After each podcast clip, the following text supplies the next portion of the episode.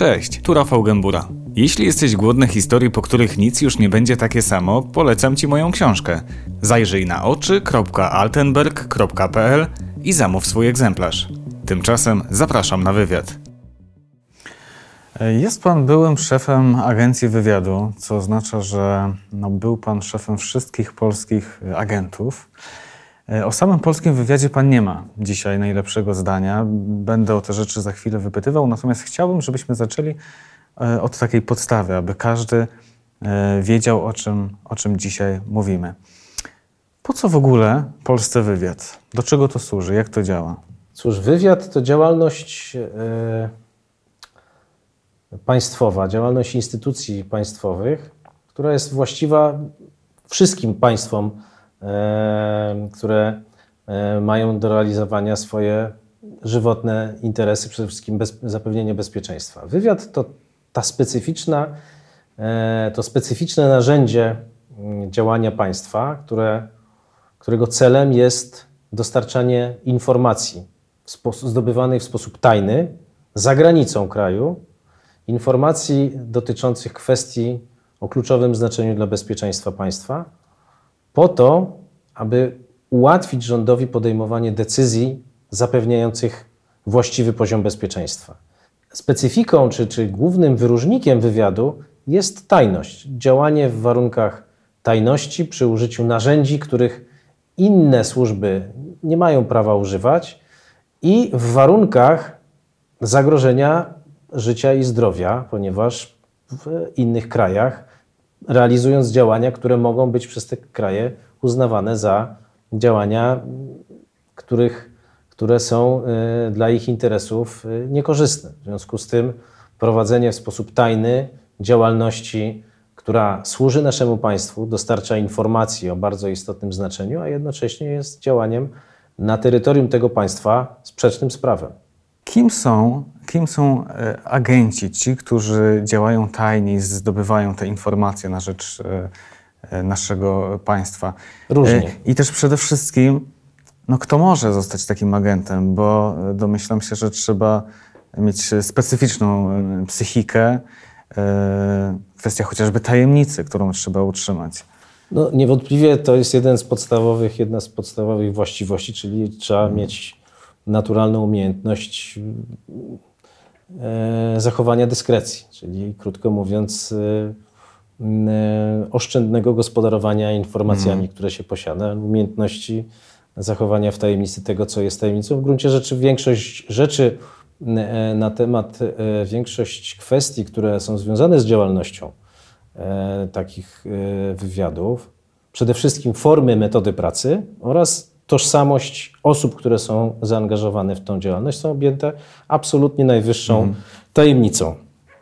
I tego rodzaju rzeczy oczywiście y, muszą być y, chronione, bo to są, to są naj, najcenniejsze, krótko mówiąc, zasoby każdej mhm. służby wywiadowczej. Czyli co, nawet, nawet żonie taki agent nie może opowiedzieć? Czy, czy aż tak nie jest to pilnowane? Jak to wygląda w praktyce? Nie, nie, nie, nie. No są rzeczy, których absolutnie nie może powiedzieć. Są takie rodzaje agentów, którzy nawet nie mogą powiedzieć żonie, że są tymi, no nie tyle agentami, ja tutaj muszę używać precyzyjnych określeń, mm. funkcjonariuszami. E, są tacy, są, jak powiedziałem, takie kategorie funkcjonariuszy, którzy żyją w absolutnej dyskrecji co do swojej roli. Ale to jest możliwe w dzisiejszych czasach? No, jest możliwe. No, to jest y, kwestia mm, pewnej determinacji i mhm. konsekwencji, aczkolwiek trzeba mieć pełną świadomość, że odbija się to bardzo negatywnie na, na życiu takiego człowieka, na jego psychice. Czy on sobie musi wtedy stworzyć jakąś inną tożsamość? No tak, żyje. Są tacy, którzy mhm. muszą pod są tożsamością. Znaczy najczęściej dotyczy to tego, że że muszą stworzyć tożsamość taką przekonywującą na temat e, przede wszystkim miejsca pracy. Znaczy, najczęściej się sprowadza to do ukrywania tego mhm. rzeczywistego mm. miejsca pracy. Natomiast są też, jest, są też jest taka grupa funkcjonariuszy, którzy, którzy tak naprawdę nawet nigdy nie przekroczyli progu e, agencji wywiadu i całe życie pracują e, w zupełnie innych miejscach i jakby wykonują zadania na rzecz agencji w sposób absolutnie tajny.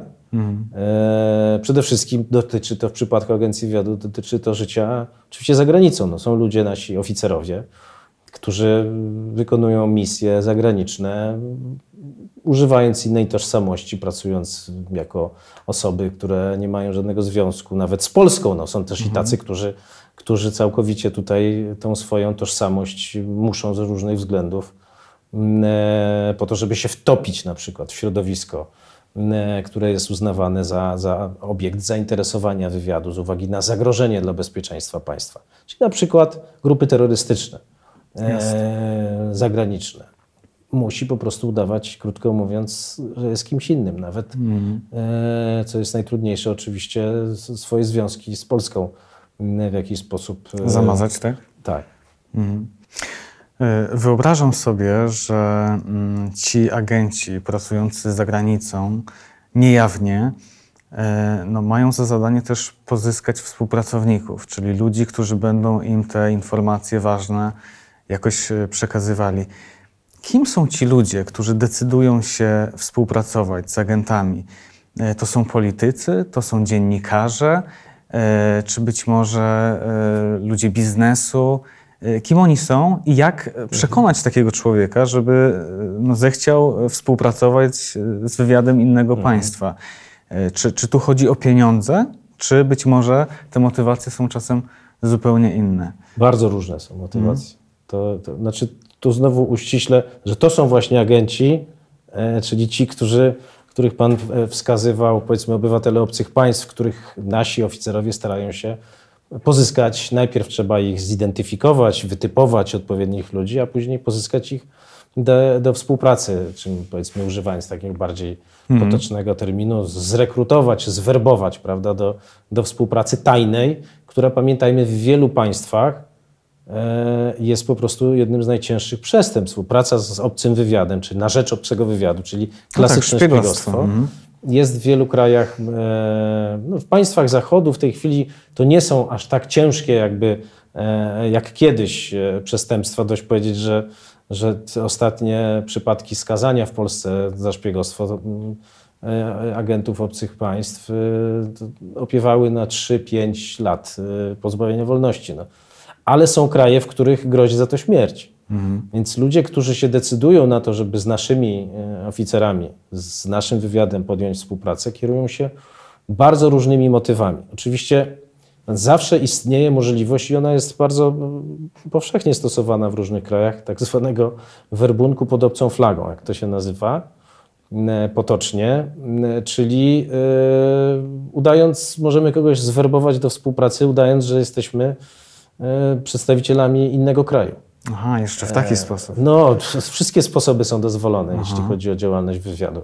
E, Czyli ktoś myśli, że działa powiedzmy na no, rzecz przykład, Polski, że a jesteśmy- de facto Tak. Znaczy, że na przykład działa jest, na tak. rzecz Francji. No na przykład, Mhm. że jesteśmy przedstawicielami Rosji i namawiamy do współpracy na rzecz Putina, prawda? Kogoś, kto jest bardzo pro, proputinowski. A, w ten sposób. E, no to jest taki, taki przykład. Mhm. Ale chyba wciąż niełatwo przekonać taką osobę do tego, Wie żeby, pan, to jest cały proces. To jest cały proces. Znaczy przede wszystkim trzeba wytypować ludzi, Mhm. pod, kierując się właśnie poszukiwaniem tego motywu, który takiego człowieka może Przekona, w jakiś tak? sposób przekonać. I najczęściej przede wszystkim poszukuje się ludzi w takich miejscach.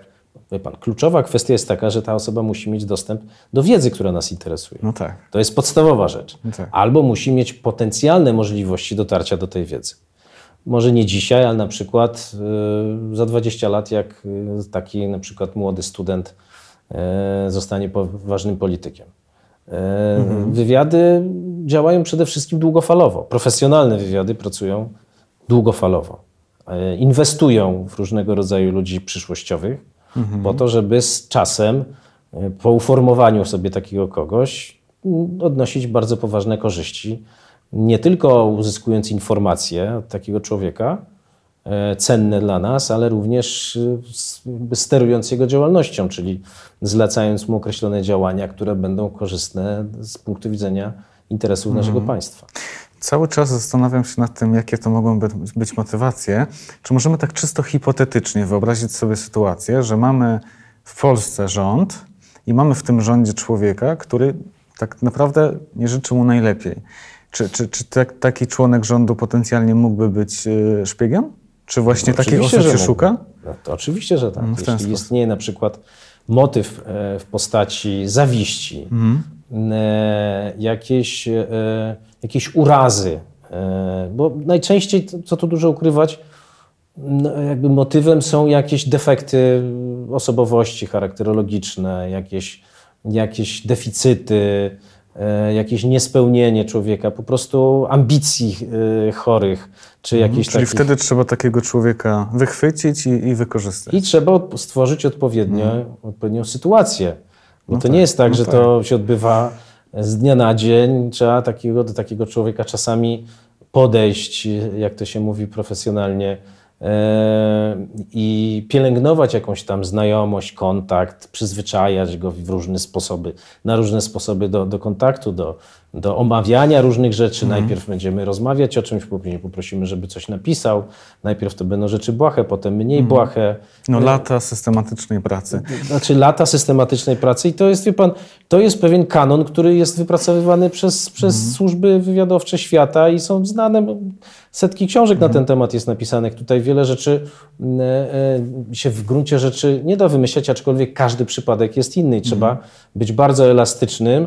E, No i najczęściej, jak powiedziałem, no, bazować przede wszystkim na ułomnościach ludzkiej e, natury, e, albo z kolei na, na, na, na jakichś bardzo takich silnych emocjach. A czy tą ułomnością może też być chciwość? Czy, czy, czy pieniądze są, bywają Pieniądze motywacją też. w takich pieniądze jak sytuacjach? Mhm. najbardziej. Bardzo często e, pieniądze są bardzo ważnym czynnikiem, aczkolwiek uważa się dość powszechnie, że jest, pieniądze są słabym motywatorem w tym sensie Jednak, takim tak? na dłuższą metę. Znaczy one mogą być e, sprzyjającym instrumentem do, do pozyskania kogoś do współpracy, ale dobra, długotrwała, efektywna i taka lojalna współpraca nie może się opierać wyłącznie na pieniądzach. Te pieniądze mogą być czymś, co takiego kogoś na przykład stanowią jakąś gratyfikację albo element motywacji, stymul, stymulowania, prawda? Czyli dowartościowania, docenienia, ale czasami,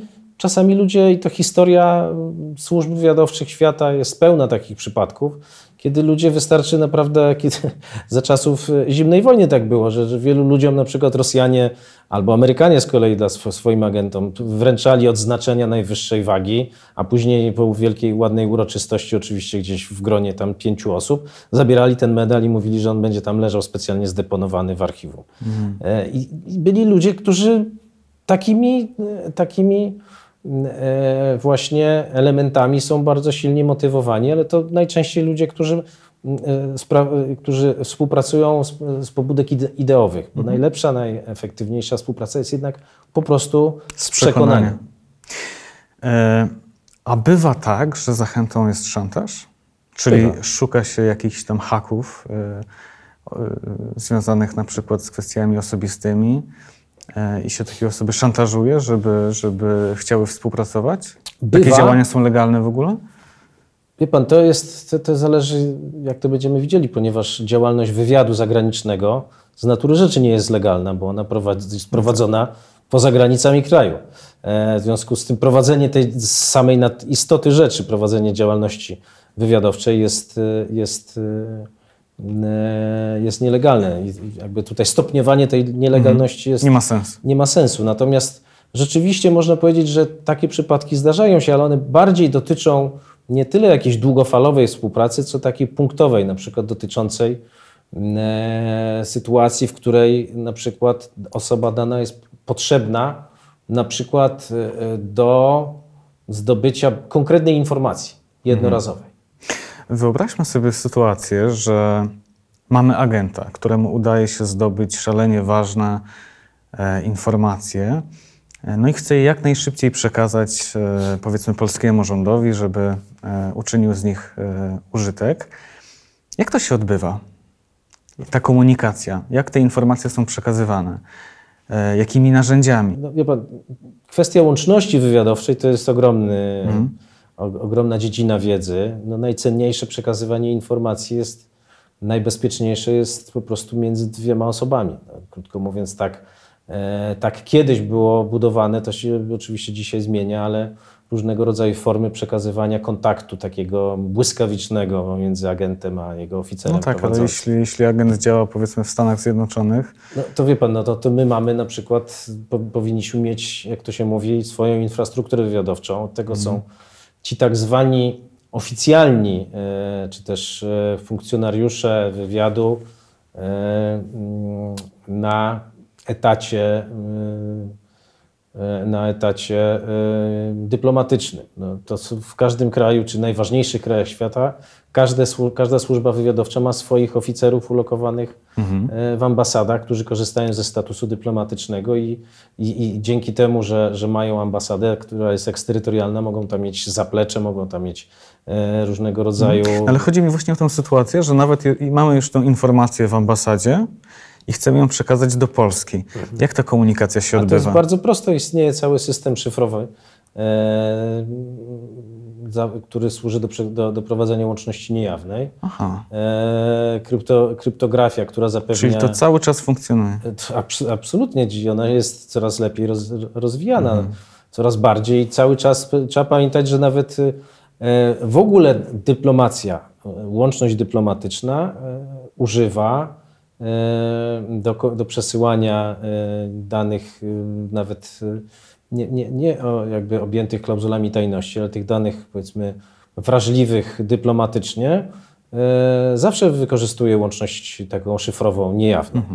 E, I za obsługę tej łączności, za bezpieczną łączność szyfrową e, naszego Ministerstwa Spraw Zagranicznych odpowiada właśnie Agencja Wywiadu. To jest ta instytucja, która ma zapewnić bezpieczną łączność e, kryptograficzną czy szyfrową e, misji dyplomatycznych, a przy okazji również wykorzystuje, że nie tą samą łączność, bo, bo ma e, swoje e, dużo bardziej zaawansowane e, instrumenty, narzędzia łączności szyfrowej, ale jakby to, to jakby równolegle to się odbywa e, przy użyciu tych, tych samych, tej, tej samej powiedzmy infrastruktury.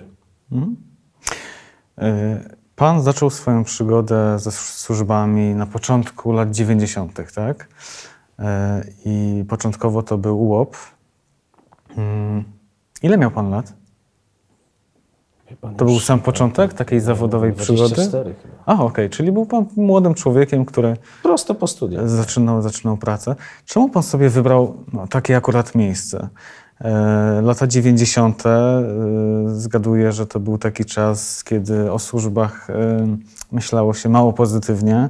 Pan natomiast podejmuje decyzję, że, że to właściwe miejsce do pracy.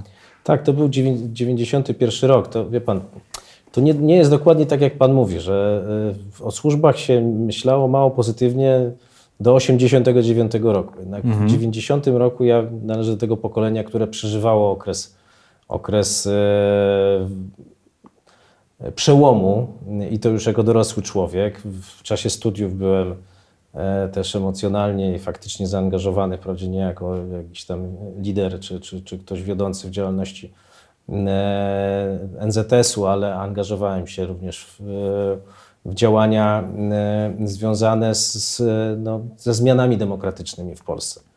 90 rok to, to, to, to, to przełom, to powstanie Urzędu Ochrony Państwa e, w atmosferze e, odcinania się od, od tradycji służby bezpieczeństwa, przezwyciężania tego złego dziedzictwa, oczyszczania jakby fundamentów państwa z tych naleciałości, z tych e, błędów e, No historycznych. tak, tylko często mówi się, że to, o czym Pan mówi w tej chwili, to, to, to była teoria, ponieważ w praktyce te służby w dużym stopniu cały czas e, tworzyli, e, byli SBC.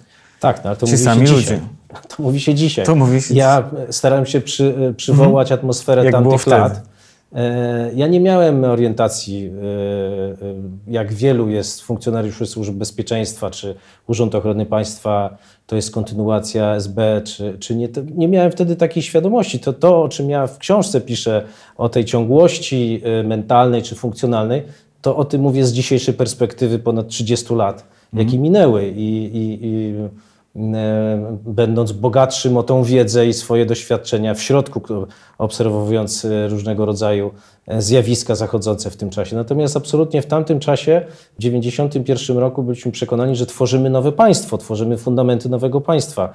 E, Policja, jest, e, powstała na miejsce milicji, ona będzie odwoływała się do tradycji i e, z okresu międzywoj, e, międzywojennego. Urząd Ochrony Państwa jest nowoczesną służbą demokratycznego państwa, tworzoną przez ludzi takich jak dla mnie symbolem wówczas był Krzysztof Kozłowski czy, e, czy Andrzej Milczanowski. To byli ludzie, którzy dawali nam przy, przy, przystępujących wtedy do służby e, pewność, że, że uczestniczymy w tworzeniu czegoś zupełnie nowego, będącego kontynuacją e, przerwanego, przerwanej historii w 1939 roku, prawda? Także byliśmy wszyscy ci, którzy wtedy wstępowali. No to, były, to były te nadzieje, z jakimi pan szedł. Tak. A jaka była rzeczywistość? No rzeczywistość była zgoła odmienna. Okazało się, że, że ja, ja zaczynałem służbę w delegaturze Urzędu Ochrony Państwa we Wrocławiu. Byłem jednym z pierwszych chyba pięciu osób, które po utworzeniu Urzędu Ochrony Państwa, mm, przypomnę, 1 sierpnia 90 roku, czyli po upływie roku byłem pierwszą, jedną z pie, pierwszych pięciu osób, które przystąpiły do, e, do służby we Wrocławiu, nie mając e, e, przeszłości wcześniejszej w służbie bezpieczeństwa. Także- Czyli właściwie był pan takim rodzynkiem. no, byłem, można powiedzieć, rodzynkiem rzeczywiście w cieście, otoczonym przez byłych funkcjonariuszy Służby Bezpieczeństwa, którzy starali się stworzyć atmosferę taką bardzo koleżeńską i, i jakby postrzegając tych nowych przychodzących jako tych, którzy będą za chwilę ich szefami i będą decydować o ich przyszłości. W związku z tym Czyli byli, czuli, że ich czas jest czuli, chyba policzony. absolutnie. Pierwsze lata, jakie ja obserwowałem e, mojej służby, to był czas, kiedy byli funkcjonariusze Służby Bezpieczeństwa absolutnie i to w rozmowach wprost mówili, że oni zdają sobie sprawę, że ich czas minął i że są wdzięczni nowemu państwu, że daje im dosłużyć do tej e, minimalnej emerytury 15 lat, żeby mogli odejść i dosłużyć do tego czasu, żeby przekazać nam swoją wiedzę, doświadczenie i że oni są tutaj tylko tym, tymczasowo, prawda? To, się, to się zaczęło zmieniać w 1993 roku, kiedy wybory wygrało e, po raz pierwszy SLD i, i powstał rząd SLD-PSL, a później e, gwałtowne jakby przyspieszenie tych zmian, czyli jakby powrót do takiej pewności siebie i rozwoju swoich karier byłych funkcjonariuszy Służby Bezpieczeństwa, to 96 rok po, Czyli okazało się, że ich czas wcale nie był wtedy policzony. no, jeszcze parę lat dłużej, e, nie tylko, że pełnili służbę, ale e, no, przejęli kierownictwo tej służby. No, taka jest prawda, że w latach 94-97 na czele Urzędu Ochrony Państwa stali byli funkcjonariusze Służby Bezpieczeństwa. I, wielu z, i, I dosyć szybko wymienili, pozbyli się z funkcji kierowniczych tych oficerów e, Urzędu Ochrony Państwa, którzy w 90 roku tworzyli urząd, wywodząc się z, jeszcze z, z, z opozycji demokratycznej z, lat 80. No, tak, to, tak to wyglądało. Tak to wyglądało wtedy. E, W 2015 roku pan zostaje szefem agencji wywiadu. W końcu. E, No i co, zaczyna pan od podwyżek, ciekawe, e, ale też od zlecenia audytów.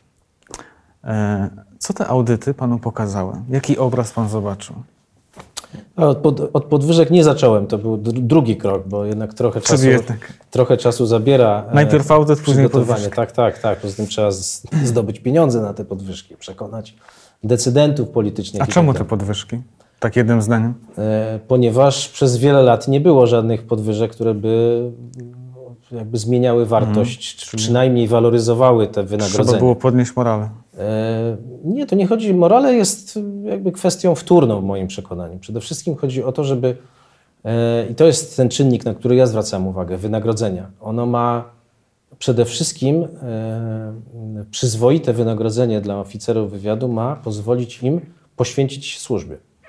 Po to, żeby nie musieli Jeździć na taksówce. stracić czasu, energii na, na, na, jakby na, na zdobywanie tych podstawowych e, swoich źródeł, e, źródeł utrzymania. Dlatego ja uważam, że przede wszystkim to jest główny motyw. Pozytywne czy, czy, czy właściwe, prawidłowe wynagrodzenie, godne wynagrodzenie dla oficerów wywiadu ma dać im możliwość poświęcenia się służbie, bo ta służba jest bardzo wymagająca. Ona wymaga, jest bardzo zazdrosna i bardzo wymagająca. E, Wymagająca e, wywracania często do góry nogami życia rodzinnego, wymagająca podporządkowania życia rodzinnego po prostu służbie.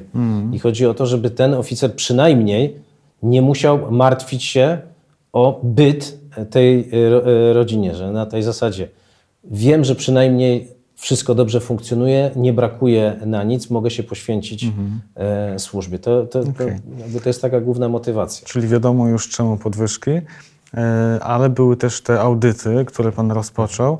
Co one panu powiedziały? Co pokazały?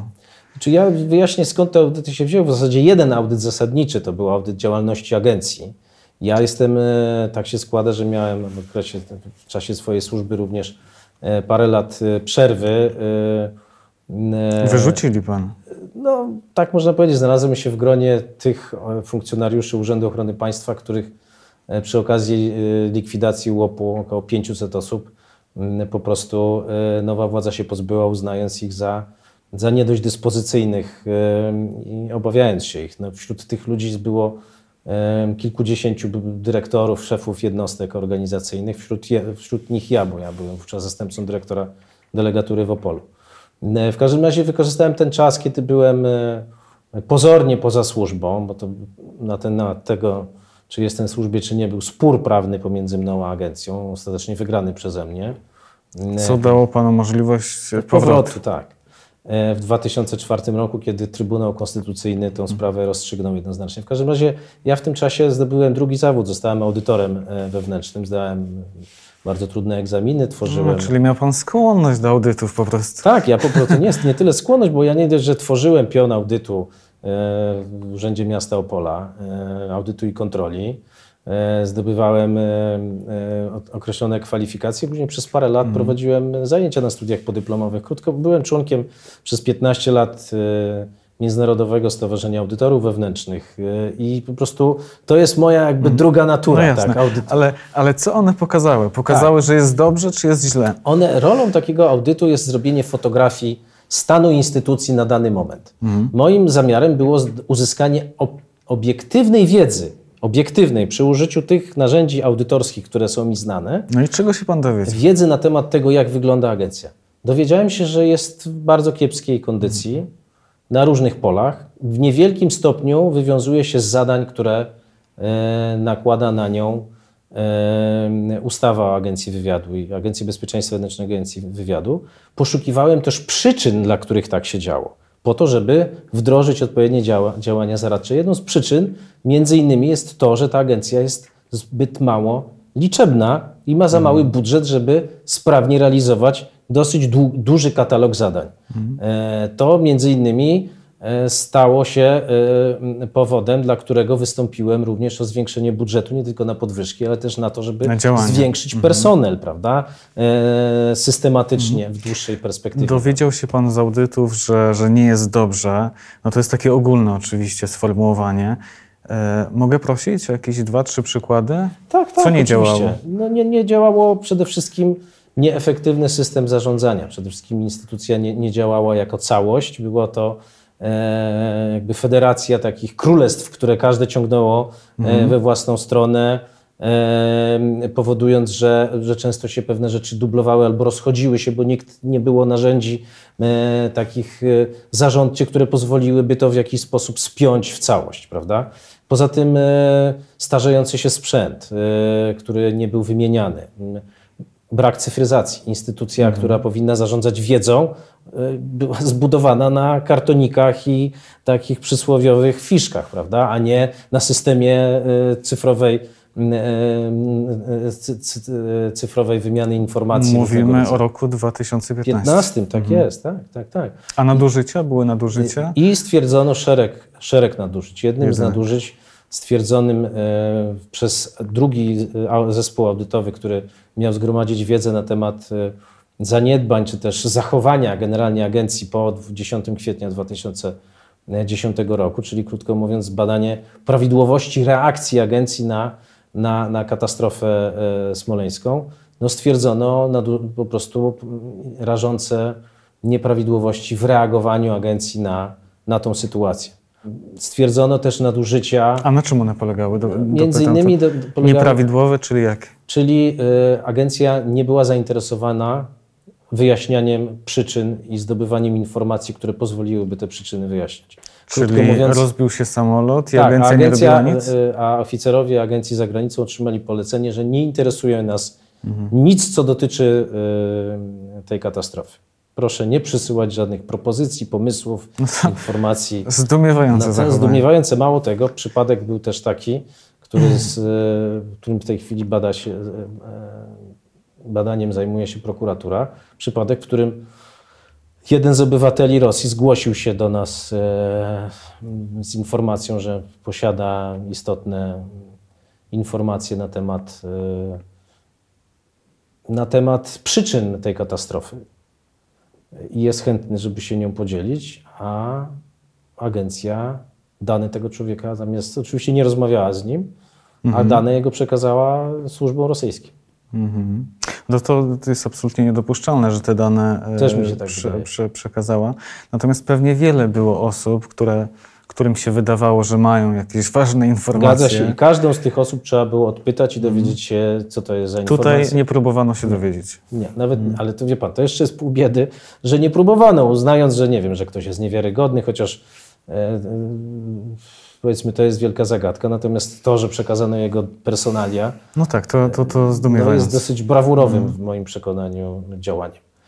E, Stwierdzono też, no, no, jak mówię, szereg deficytów w działalności, nieefektywność, mała skuteczność, ograniczanie, e, wprowadzenie pewnego modelu działania, który sprowadzał się do tego, że, że zamknięto się za murami agencji w Warszawie i chciano prowadzić wywiad zagraniczny z Warszawy.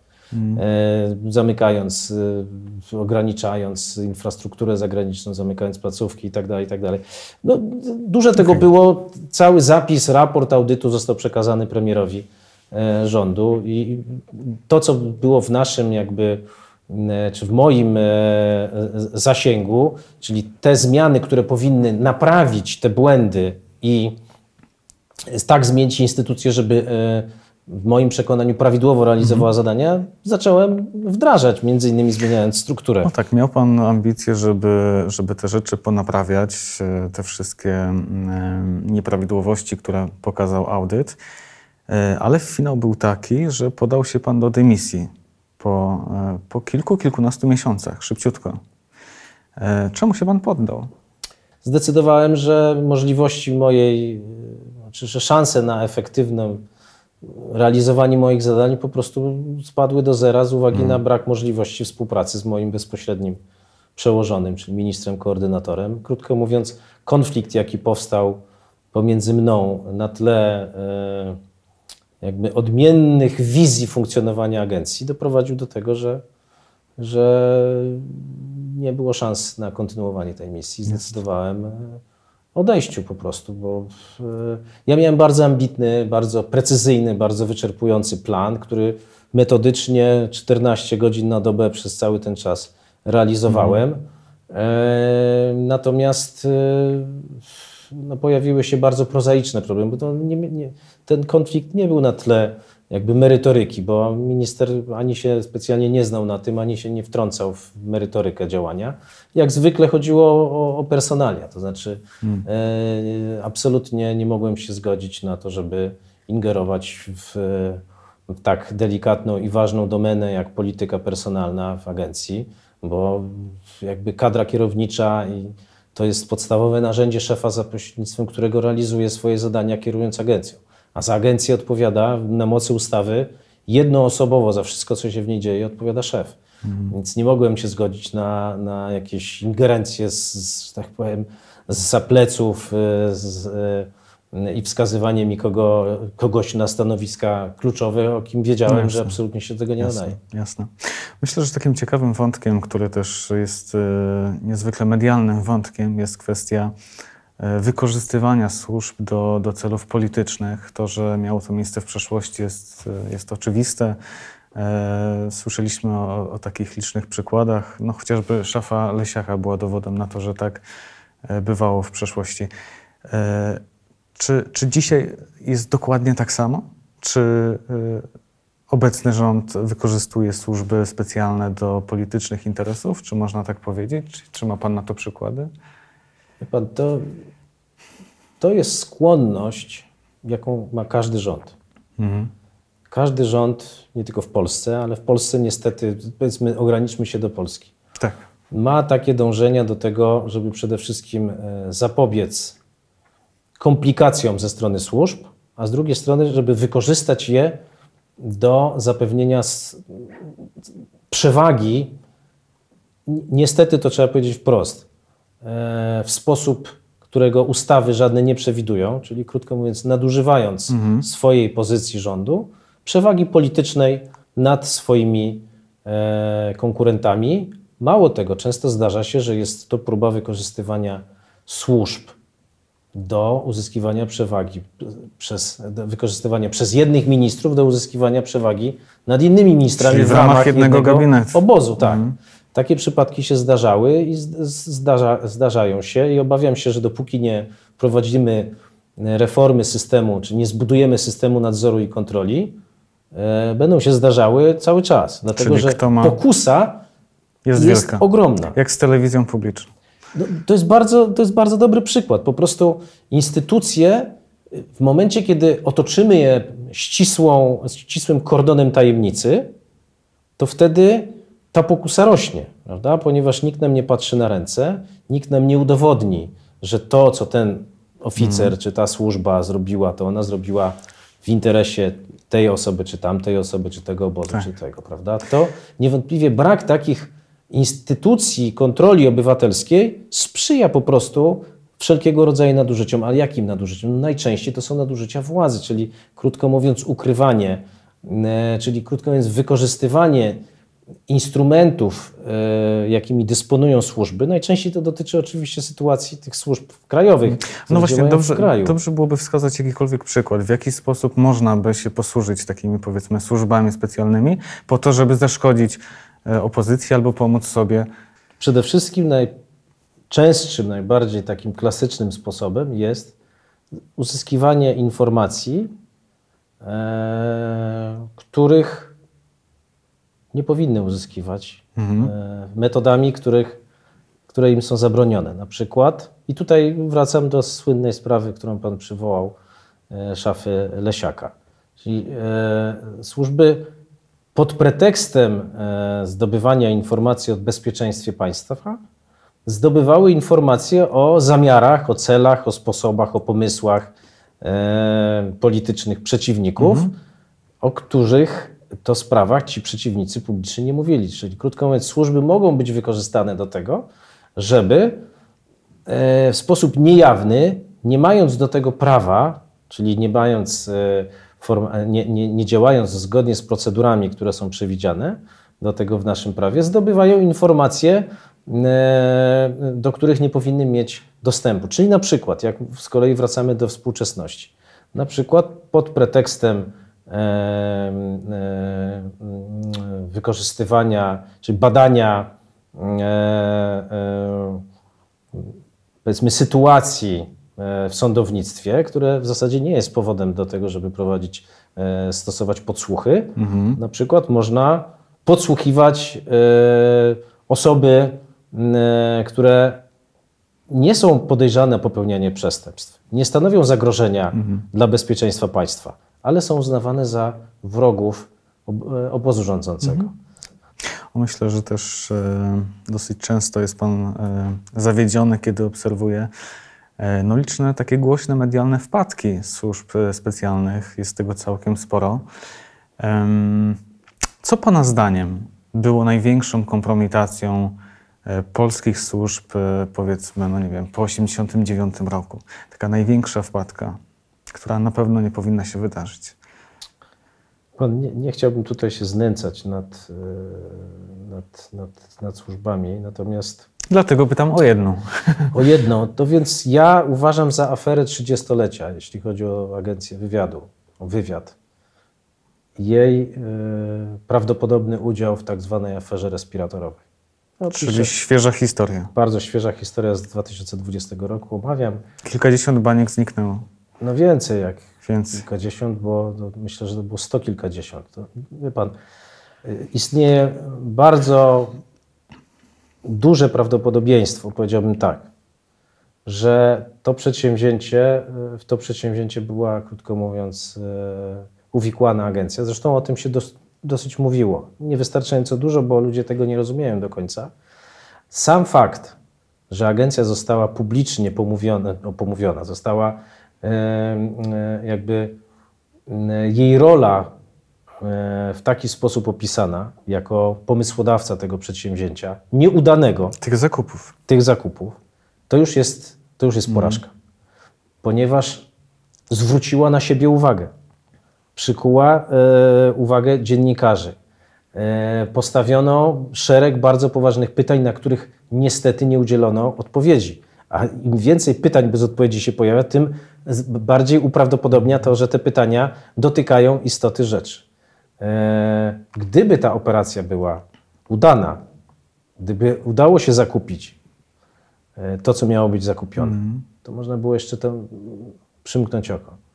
Chociaż sam fakt, że, że, że zakupy miały być za trzykrotną wartość e, rynkową, to już budzi bardzo No, poważne był to wątpliwości. mocno specyficzny czas, można było nadpłacić, ale, ale no nie ma Ale pieniędzy, pod nie ma warunkiem, że, respiratorów. zrobi, że skutecznie. Tak. Ale na dodatek wszystkiego nie udało się tych respiratorów po prostu kupić. okej. Więc nie dość, że zaangażowano e, pot, e, wizerunek e, e, no niestety agencji. Zrobiono to w sposób nieudolny, to na dodatek nie zrealizowano zamierzonych e, e, celów. Państwo zostało skompromitowane polskie. Na dodatek znaleźliśmy się na szarym końcu kolejki po respiratory w Unii Europejskiej. Krótko mówiąc, tak. porażka na całej linii. A dodatkową porażką jest to, że nikt nie chce z tego wyciągnąć żadnych wniosków. No tak. E, Mówił Pan dzisiaj dużo o tym, że e, ten polski wywiad e, no nie działa tak, jak powinien, że nie jest skuteczny, że nie ma zębów. A na sam koniec chciałbym Pana zapytać jeszcze o to, co tak naprawdę to oznacza dla nas, dla, dla Polaków, dla społeczeństwa. Co to powinno obchodzić Jana Kowalskiego i czy w ogóle powinno? Czy to jest jakiś problem? Oczywiście, że powinno. Nie ulega wątpliwości, że każdy przysłowiowy Jan Kowalski powinien być zainteresowany tym, żeby po pierwsze pieniądze, które są wydawane na służby wywiadowcze, były wydawane dobrze, czyli żeby przynosiły efekt, nie były marnowane. Po drugie, aby służby specjalne nie nadużywały mandatu, którego otrzymały, który otrzymały od ustawodawcy, czyli krótko mówiąc, nie działały przeciwko e, obywatelowi, nie nadużywały swoich możliwości do realizacji celów, które są sprzeczne z ich, e, z ich zadaniami, ale przede wszystkim powinien być zainteresowany, żeby państwo było bezpieczne. Państwo w dzisiejszych czasach, nasze państwo, w tym miejscu, w którym przyszło nam żyć, bardzo skomplikowanym, trudnym miejscu w Europie, Tak. staje dzisiaj przed wyzwaniami dla jego bezpieczeństwa, z którymi dotychczas nie mieliśmy do czynienia. Te wyzwania narastają z czasem coraz bardziej, są coraz bardziej skomplikowane i coraz bardziej będą się przekładały na jakość naszego życia, ponieważ problemy, z jakimi my się dzisiaj mierzymy, mogą skomplikować życie każdemu człowiekowi, nawet temu przysłowiowemu Kowalskiemu, który się nie interesuje ani służbami, ani kwestiami bezpieczeństwa. Żebyśmy mogli jako państwo stawić czoło sprawnie tym e, zagrożeniom, tym wyzwaniom, aby polskie władze mogły podejmować prawidłowe, słuszne decyzje, muszą dysponować najlepszą wiedzą na temat natury tych zagrożeń, na temat tego, jak one się rozwijają, jak one wyglądają, żebyśmy, żeby państwo polskie mogło podejmować prawidłowe decyzje służące zwal, zwalczaniu tych zagrożeń, czyli żeby mogło efektywnie dbać o nasze bezpieczeństwo. I właśnie do tego niezbędny jest Do tego niezbędny jest profesjonalny, efektywny, nowoczesny wywiad zagraniczny i wywiad i służby, służby bezpieczeństwa wewnętrznego. lepszej puenty nie będzie. Dziękuję pięknie za to spotkanie. Dziękuję również. Niezwykle ciekawe.